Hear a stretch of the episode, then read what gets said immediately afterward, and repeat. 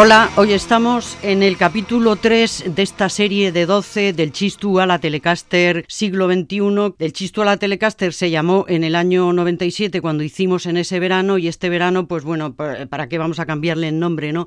Pero sí que me gustaría hacer una puntualización de dónde viene la frase del Chistu a la Telecaster. No es mía, yo saqué un libro en el 96 que se llamaba así, pero esa frase viene de unas declaraciones que, que hizo Nacho Cicatriz a Pedro Espinosa cuando escribió escribimos nuestro primer libro, el de Erchaña, la confesión radical, aquella biografía oral.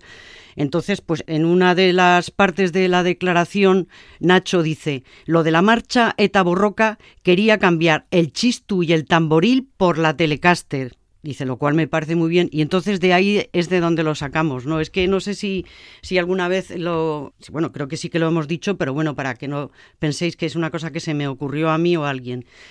Lo que sí puedo deciros también es que el libro de Erchaña se agotó en su momento porque es del año 93, pero en 2013 lo volvimos a reeditar con Pepitas de Calabaza, que es un sello de Logroño y está mirando en la red.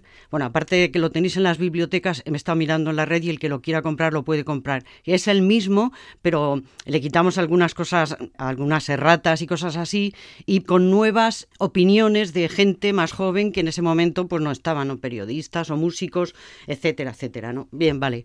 Estamos ya de lleno metidos en el año 2002-2003. En el año 2001 se vendieron aproximadamente 700.000 unidades de discos editados por discográficas vascas. Estamos solo hablando de aquí. Y al año siguiente bajó a medio millón. Ya solamente os digo eso. La nueva anormalidad que empezaba por entonces, porque el nacimiento del CD fue también su perdición. Al ser tan fácil de replicar, pues claro, eh, un vinilo no se puede, por eso los vinilos están volviendo en parte, ¿eh? yo creo que es por eso, no solamente por el rollo vintage. Pues este año, en 2002, a pesar de todas las anormalidades y, y, de todos los desastres para la industria y de rebote para los músicos, por supuesto, porque aquel que diga que no quiere vender discos y que los quiere que se los descarguen gratis es absurdo, ¿no? A no ser que, como pasa mucho, efectivamente la mayoría de los músicos de los que estamos tratando y, que en el mundo hay, o por lo menos eh, eh, en nuestro país, no viven de ello, viven de su otra profesión, que es la que sea, ¿no? En ese momento. En 2002 salieron dos discos, a mi modo de ver, bestiales. Besos de perro y Sora Mena.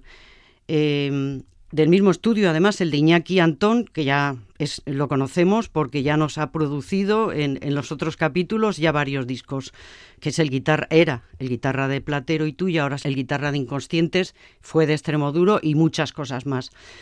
Se trataba del tercero de los Navarros Marea, editado por Dro, y del primero de los Vizcaínos Gatibu, que se estrenaron con Oyuca. Los hermanos Goñi, después de publicar en Soñúa a la plana mayor del rock radical, fundaron Oyuca en el 87 como una filial de Elcar y luego en el 91 crearon su propio sello Gore, con el que siguen hasta la actualidad, ¿no? Y las riendas de Oyuca, por su parte, las tomó Richard Purut durante 15 años, en los que publicó unas 200 referencias, quedándose con lo más pop del rock, mientras que Gora apostaba por lo más duro y lo sigue haciendo, ¿no? A mí la verdad que si me hubieran dicho en los años 60, cuando yo tenía 13 años y empecé, bueno, nosotros, resumiendo, nosotros trajimos el rock, ¿eh? Esto es como lo de Vaya Semanita, realmente nuestra generación trajo el rock. Si me hubieran dicho que iba a surgir un grupo como Marea, yo no lo hubiera podido concebir, ¿no? Porque sí, bueno, eh, actitudes rockeras, o sea, pinta de malotes, eh, los morritos de Rolling Stone y tal, de eso ha habido mucho, pero poesía, rabia, pasión, ritmo desbocado, el galope ese del rock, de eso la verdad es que no habíamos tenido mucho, hasta que, hasta que él apareció, quiero decir, el peón de albañil, que era Cuchi Romero, dicen, dicen que se conocieron en, en una obra los componentes o algunos de ellos, y eso que él no tuvo ninguna educación rockera en ningún momento. O sea, Cuchi, hijo de migrantes andaluces, creció escuchando flamenco, o sea que realmente más orujo que Bourbon de Kentucky. El Drogas de Barricada dijo, el Cuchi escribiendo ha sido una patada en el culo a todo el sistema rockero ya establecido. Todos los elementos del rock duro, heavy o metal, como lo queráis llamar, puestos al servicio de la humilde canción y no al revés, como suele suceder que muchas veces la velocidad, el virtuosismo o el triple bombo mortal pesan tanto que te aplastan en la escucha.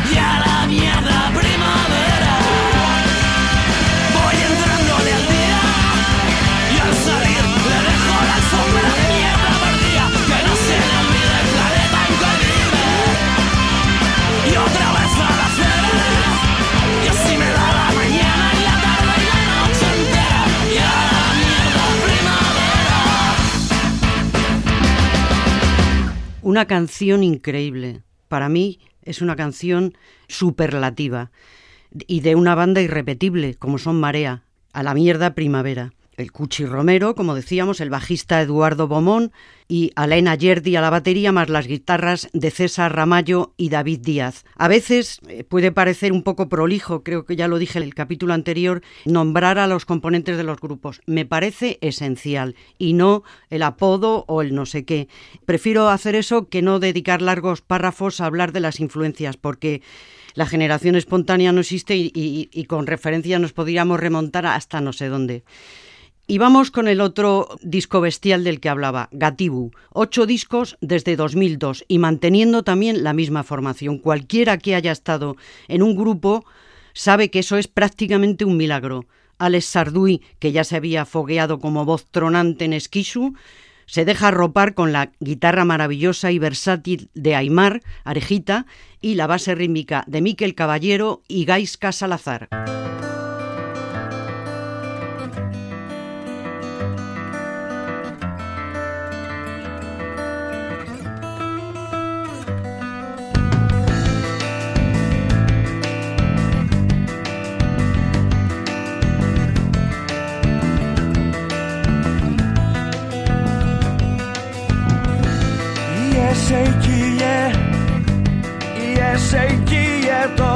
Jatzun esan bueltarik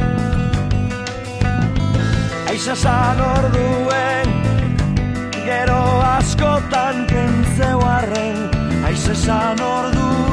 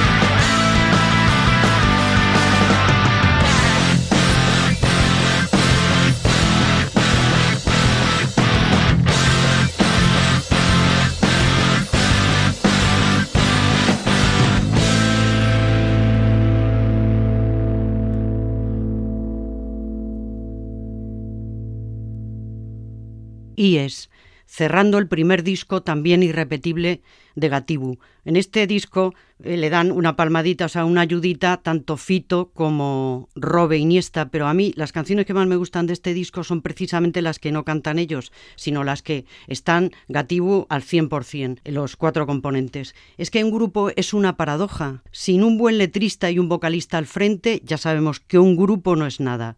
Pero si no hay un buen batería, o si por ejemplo el guitarra está más interesado en sus propios solos y, y se ve que realmente no está trabajando a favor de la canción, o si el bajista eh, tiene un look muy, muy chulo, pero no marca nada, entonces no hay grupo.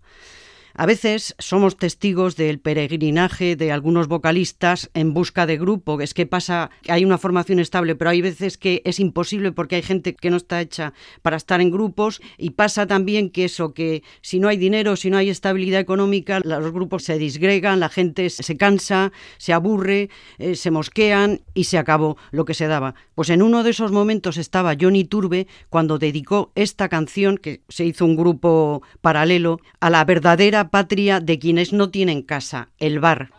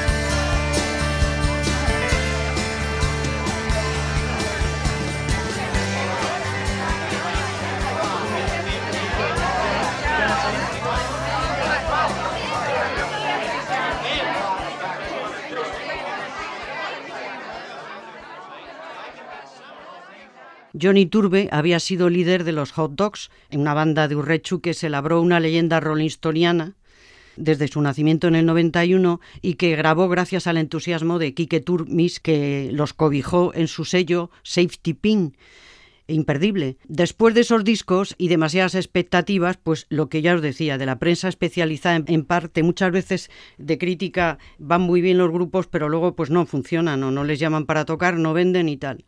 Luego volverían más tarde, pero Johnny Turbe, mientras grabó este Sudden Death, en el que se incluía The Never Closing Bar, una canción me parece preciosa, ¿no? Con la ayuda de un grupo de amigos, la guitarra de Jorge Reboredo, Álvaro Segovia al bajo, la batería de Iñaki Guanche y el piano de Mikel Vips, en cuyo estudio Chocablock de Bilbao se grabó. Pues ya que estábamos hablando de Chocablock y de Mikel Vips, nos vamos a ir a escucharlos, porque es el sino de muchos músicos que, como no pueden vivir, unos lo dejan, pero otros se reconvierten en técnicos. Bueno, también tienen esa habilidad, ¿no? Como le pasó a Jorge, que decíamos, el guitarrista Donostierra, y también a Mikel Biff de los Safety Pins, que los escuchamos ahora.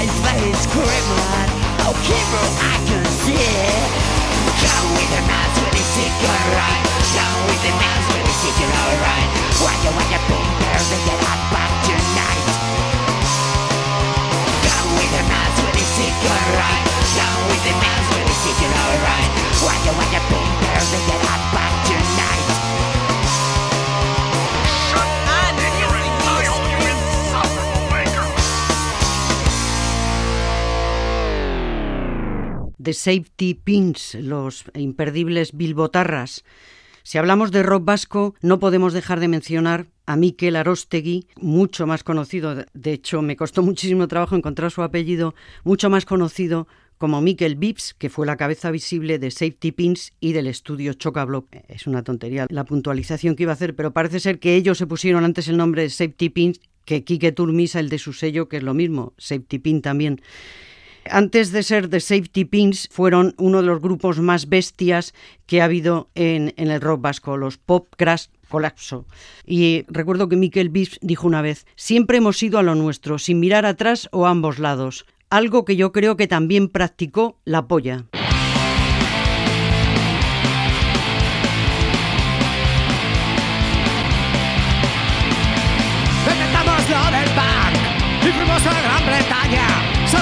Jodió, pero ya no nos da rabia. No pudimos ser los Clash, ni tampoco los Pistols. ¿Para qué vamos a llorar? Si total nos da lo mismo. No pudimos ser los Thunder, ni primos de Johnny Thunders. Nunca podremos saber para qué hubiera valido algo algo mejor, para ser los más cretinos. Ser los Clash, ni tampoco los Sex Pistols. ¿Para qué vamos a llorar si total nos da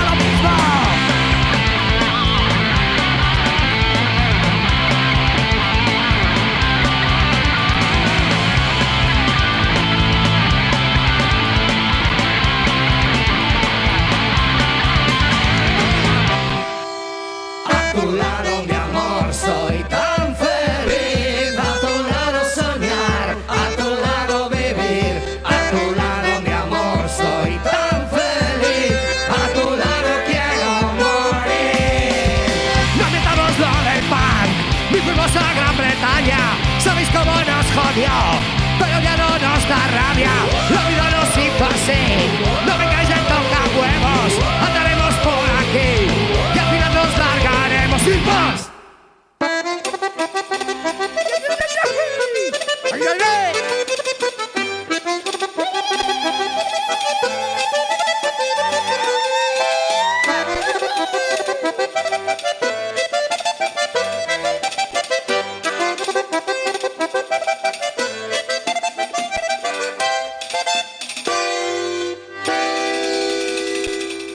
Así terminaba el último disco de La Polla en 2003. Los integrantes de La Polla Records eran todos currelas y decidieron que si iban a dejar los talleres de chapa y pintura no sería para dedicarse al dolce farniente. La guitarra solista del larguirucho Miguel Charlie Garín, escuchada en retrospectiva, brinda muchos momentos de imaginación y color, secundada por la contundente rítmica de Manolo García Sumé y el bajo de Abel Murua, primo de Fernando Murua, el batería, muerto en 2002 con 40 años. Le sustituyó Iker Igelch Trippi, que grabó este último disco. Los de Agurain se despidieron con su decimoséptimo disco, ya con Raúl Lassa, Chiqui, de guitarra, pero todos sabían que a Evaristo nadie lo iba a parar. Lo mismo se puede decir de Fermín Muguruza. Yeah, original Don Rudeman pan the microphone Filming Moguruza from Basconia Rudeman from Bologna Representamos por la calle Yo, yo, yo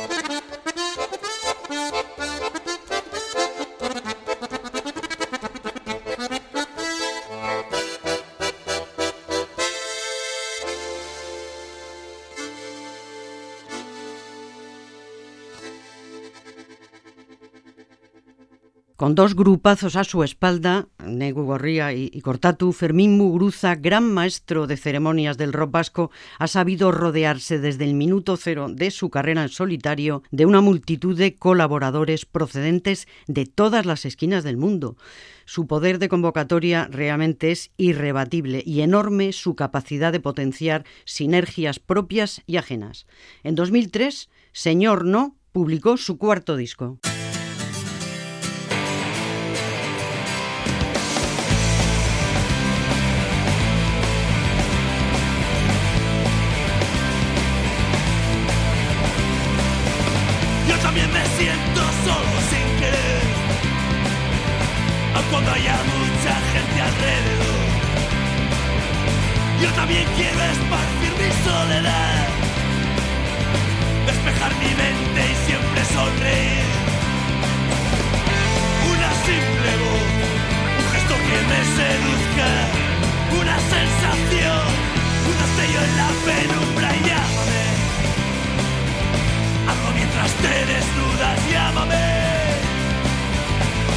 cuerpo de mujer, yo también me pierdo en la noche,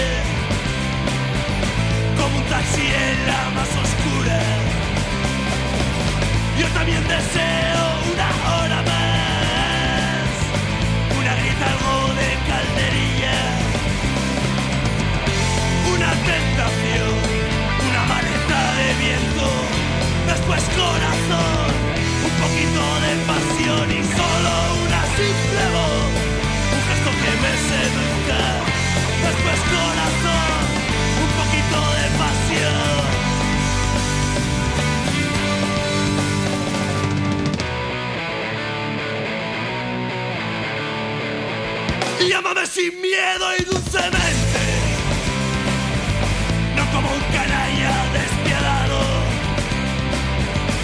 como una puta de mil duros, sino como alguien muy cercano. Una simple voz, un gesto que me seduzca, después corazón, un poquito de pasión y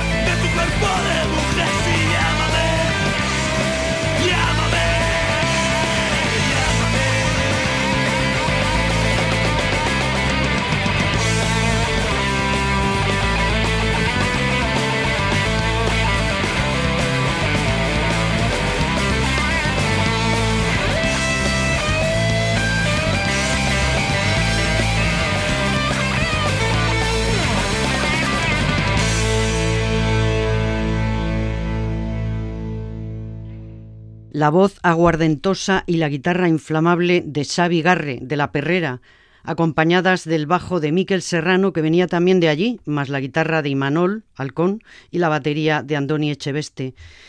Y cambiamos de registro totalmente para escuchar a Igor Arzuaga. No es muy conocido, su música en solitario, él tocó la triqui en Esquisu y fue al principio de la carrera de Miquel acompañante de Miquel Urdangarín.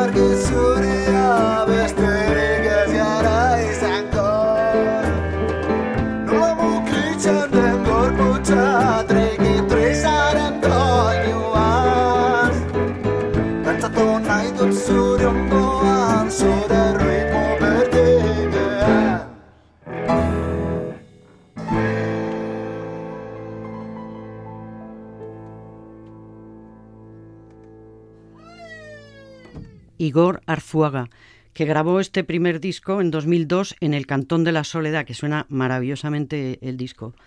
Y lo editó Gastelupeco Ocha, que también son sinónimo de mucha calidad sonora. Al bajo, Julio Romero, de la cantera popera de Vitoria y que hoy es profesor en el conservatorio. La guitarra eléctrica de Javi Cepeda, que había estado en Damba, que es un grupo de, de Yodio, del audio, que es de donde es Arzuaga. Y en la batería Aricha Ortúzar. De la misma escudería nos vamos con los guipuzcoanos Arima Belcha.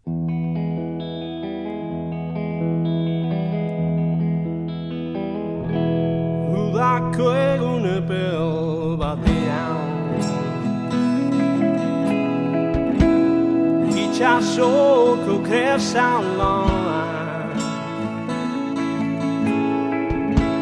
Erantzunik eman dion Mutikoa dago zain Urrutian begia rola osotu bi. Kartelan preso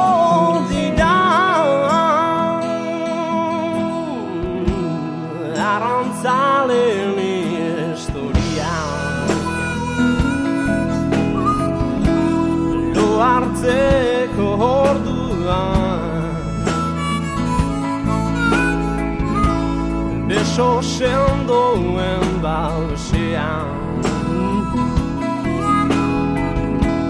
la scheisse